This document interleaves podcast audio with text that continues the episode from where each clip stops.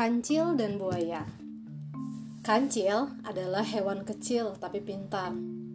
Memiliki banyak musuh, namun juga memiliki banyak teman di hutan. Untungnya, dia cerdas, jadi setiap kali hidupnya terancam, dia berhasil melarikan diri.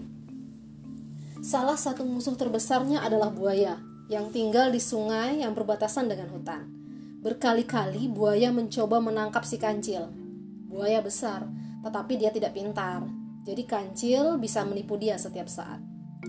Saat ini tempat tinggal kancil sedang musim kemarau. Tidak ada angin sama sekali untuk menyegarkan kembali tanaman dan pepohonan di hutan yang haus.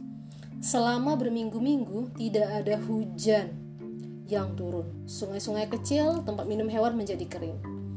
Kancil berjalan sendirian di hutan. Dia sangat haus dia telah berjalan jauh mencari sungai di mana dia bisa memuaskan dahaga. Tetapi dia hanya menemukan lumpur kering di sungai yang dulu mengalir air. Hal ini membuat hutan terlihat sunyi. Semua binatang tidur untuk menghemat energi. Bahkan burung-burung tidak bernyanyi di pohon. Kancil akhirnya memutuskan untuk pergi ke sungai yang berbatasan dengan hutan. Biasanya dia menghindari pergi ke sana karena dia tahu kalau di sana tinggallah buaya yang selalu siap dan menunggu kesempatan untuk menangkapnya. Ketika dia tiba di sungai, Kancil memandang sekelilingnya dengan hati-hati. Tidak ada buaya yang terlihat. Air sungai yang jernih mencerminkan sinar matahari. Selangkah demi selangkah, Kancil mendekati air. Mata tajamnya melihat ke kanan dan ke kiri. Telinganya yang runcing tegang untuk menangkap suara sekecil apa pun tapi sepertinya tidak ada bahaya yang mengancamnya kali ini. Lega, dia menundukkan kepalanya untuk menikmati air dingin.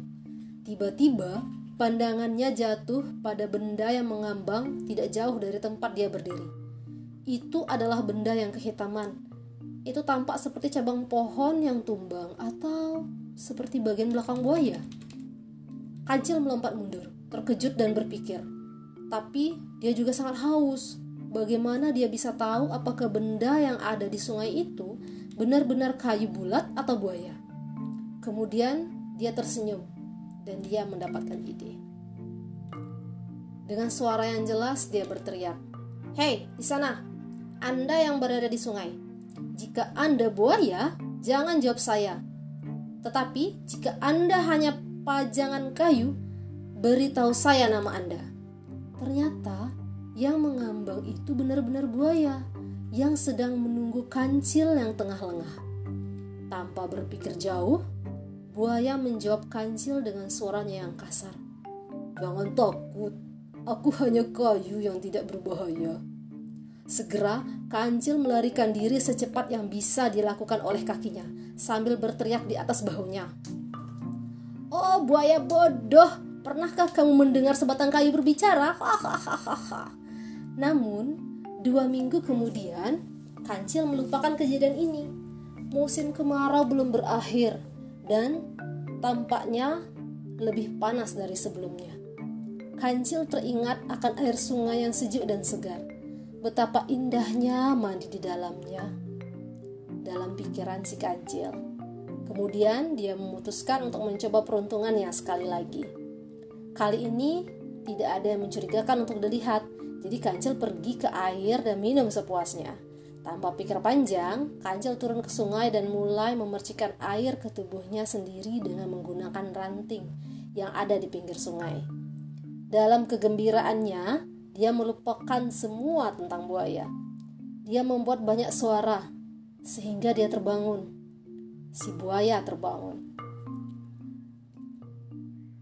Wah, ini sepertinya hari keberuntunganku, pikir buaya. Dalam sekejap, dia meluncur keluar dari tempat persembunyiannya.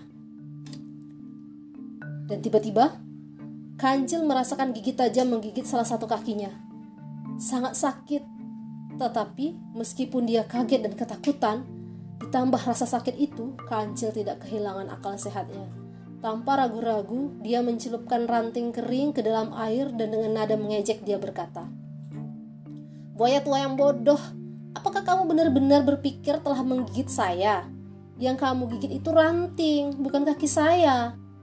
Ini kakiku, tangkaplah kalau bisa. Kancil menggerakkan ranting dengan cepat di depan mata buaya.